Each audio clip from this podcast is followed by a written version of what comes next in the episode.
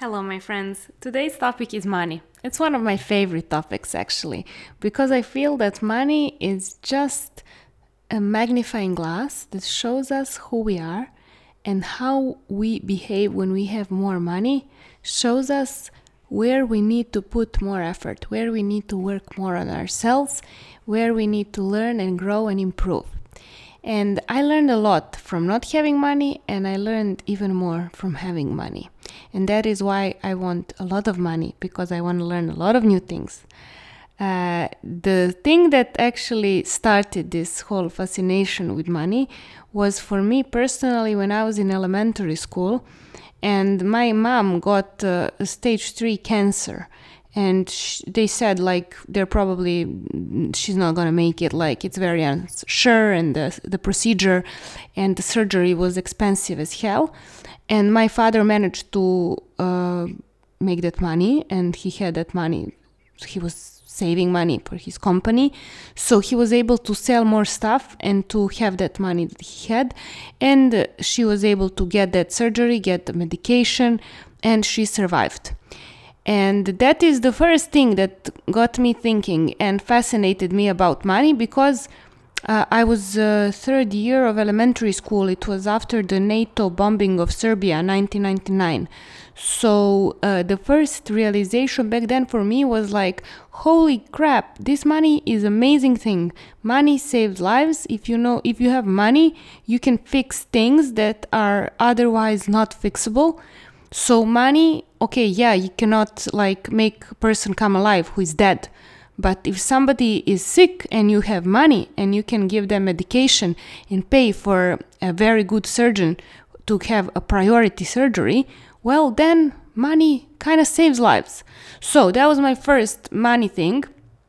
After that, of course, during the elementary school, since we had those kind of situations, I didn't really have a lot of pocket money uh, to like spend on fashion and stuff like that. So uh, I was a bit in high school and elementary school. There were like girls who were very fashionable, had beautiful things, and of course, just like every other girl, I was like, wow, I would love to have that too. But whenever I asked my family, they were like, no forget it like if you want that kind of crap you should make your own money because we are not gonna here we're not here to comply with your desires so that kind of a thing is just uh, it's an unnecessary expense and it doesn't bring you any value in life. So no if you want to go and learn english and french we will pay for classes but if you want a new handbag forget it. So that is when i realized that if i want to have stupid material things that sometimes bring me joy i will need to make money myself. After that, as I spoke to you guys in the previous episode, money was also something that uh, didn't help me when it comes to making my uh, educational dreams come true. When I was in elementary school, I wanted to go to French high school that was arm and a leg, expensive as nothing in Belgrade. And then after that, I wanted to go to university and study abroad. And that was like unimaginable, like so much money that we don't even know, like, you know. So that was not an option. That is when I realized money, like now, if I had the money, I could go and do what I want and pursue my dream. So, no matter what it is, I feel that the point is the same. Whether you want some piece of fashion that brings you joy when you wear it, or you want an education, or you want a course, or you want an amazing dessert in a fancy restaurant, the point is the same. Money just helps us facilitate life and it helps us afford all the things and experiences we personally crave to live a fulfilled life. And yeah, you can live a fulfilled life without money. That is not even the matter. But the point is, if you have some desires, you have those desires for a reason. And that is something that I always act upon. Whether my desire is to go and travel the world, go to live in Cyprus for three months last year, or go and buy purchase an expensive handbag which is not something I really I'm not a fashion girl but I'm just giving an example I will always follow my desires because I know there is a lesson hidden there there is a gem there. So that is why I love money and I want to make millions of dollars. I, I last year I made 8 million dinars, but that's not the same. So millions of dollars because you cannot imagine how many lessons I plan to learn on that road. Like I will share with share it with you guys. So it turns me on because of the learning curve is steep and I love things that are challenging because if something is challenging, not a lot of people want to do it.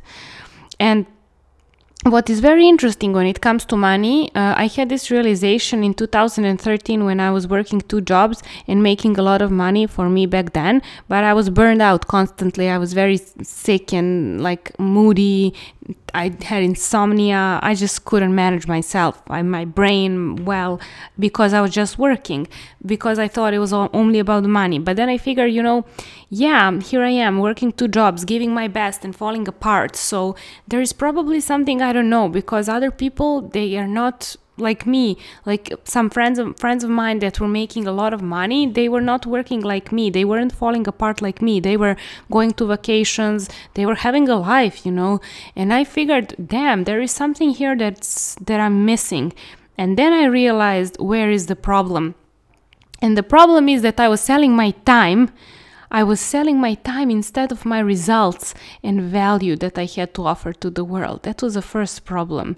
And I did not realize that if I have a product and if I package a product and if I create value for people, no matter in which form, people will pay me for that value. And that is how my friends were making money. They were not selling hours like me and burning out every other week they were selling value.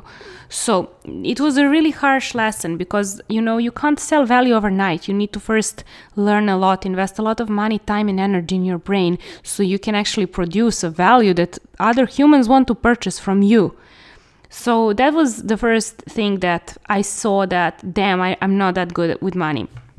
Second thing with money for me was that I always knew how to make a lot of money, but I did not save it. I always used to spend it, you know, and didn't even spend it on some uh, things that are materialistic. I spent it on hedonism, time with friends. I was paying for everyone else. I wouldn't say that people were using me because I was w- willing to pay for everyone else because I knew that I was making uh, more money than majority of my girlfriends. So whenever we go out, I would pay and then i realized but wait this is not good and sensible. Like if i'm here working a lot and making this money and i'm not investing it i'm not saving it this is not healthy. Like this is no no way to treat money you know because you can't be rich if you keep making money spending money making money spending money. Then I realized I, I, I'm afraid basically to have money because I don't know anything about investing. And I'm worried and I feel intimidated and I feel stupid when I have a lot of money on my bank account sitting there and I don't know what to do with it. So for me to make it easier, I would just spend it, which is stupid, I know, but you know, that's how you learn. Then I realized I need to invest in some financial education. I found a lady in Serbia. Actually, she found me. She came to me to teach her about sales and marketing, and she taught me about finances. Her name is Carolina Herbut, and we are friends now. She sells amazing courses on personal and business finance. If you are interested, I can connect you. And the point is, she taught, taught me really how to manage my money she taught me how to manage my own priorities with money and to have uh, different spreadsheets for like business finances for my company and for a different spreadsheet for my personal expenses costs like cost of living in belgrade uh, all the things that come with living in capital city and also the plan for travels the plan for education because those are my priorities the plan of investing money and all the other stuff. So I had made these lists like where do I spend my money, where do I invest my money, and how much money do I save, and how much money I give to charity because it's something that's very near and dear to my heart. And I've been doing that since elementary school, supporting other people or other projects that I believe in.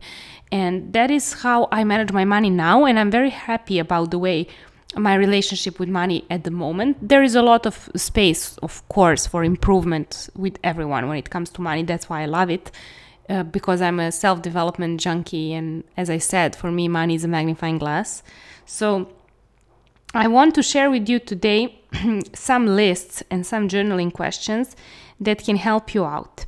And first of all, I would like you to write down your current lifestyle monthly needs, like what you need and what you what is nice to have and what is need to have. So these will be two separate lists. You know, it's like one list is like what I need to have to survive and another thing is like what I need to have to thrive and have fun. You know, so if I were having some financial trouble, I would definitely not spend money on luxurious travel, eating out at fancy restaurants or investing in expensive mastermind classes you know? So that's a, that's a nice to have. That's not need to have.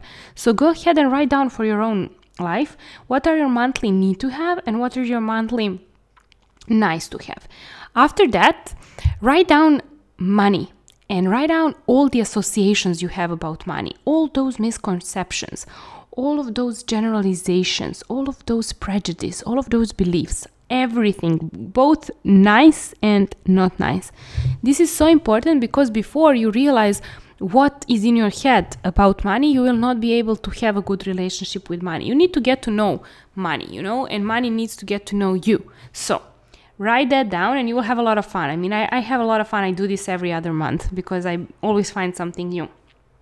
Another list that will be very useful is to write down your own priority list. So for me, it's health, it's freedom, travels, education, coaching, uh, courses, uh, supporting other businesses. So write down all of those personal priorities and write down where you like to spend money and where you like to invest money and where you like to how you like to save money and how much do you like to save. Also, write down right now at this moment in life what are the 10 things that you could sell from your house that would bring you money. So, maybe it's a laptop, maybe it's a microwave, maybe it's AC, whatever it is, like write it down because this will help you feel um, empowered and like more frugal. It will make you realize that you're not as broke as you think and that you have more money than you realize because you're not taking into the account all of those things that are right now available in front of you and also write down what are the 10 things that you could do for money right now. So, for me personally, I could be a hatha yoga teacher, I could be a coffee barista, I could do a cabin crew job, a babysit, I could clean houses, I could work in a coffee shop. So, write down all of those things with the same purpose as writing down the material assets you possess that you could sell in case of emergency. Also, write these down because these will help you out a lot to realize that you are more powerful than you give your credit for and that you are more capable to make money in ways that maybe right now at this moment are not on top of your mind. Um, next list that I highly recommend is 10 good things that happened in my life because of money. 10 things that I would do today if I had unlimited money. 10 things why I believe in myself at this moment in life. 10 things how I can lower my expenses and make more money. And 10 reasons why I deserve to have money at this time in my life.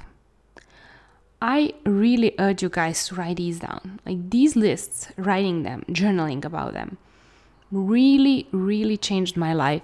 And I do this every other month. And I read a book by Harv Eker, Millionaire Mind, every other month. And there are a lot of books, as I said, like lots of books, like Ramit Sethi, like Tony Robbins, Ray Dalio. There are so many books on money, but just find a teacher that resonates with you. It doesn't matter like which book it is, as much as it matters which teacher is your teacher. And then when you learn those things, you need to start applying them today. Just as I said right now about these lists, like go ahead and start writing, start journaling. And I promise this exercise can really change your financial situation. I know it's changed mine, not once, but many times. Talk to you tomorrow.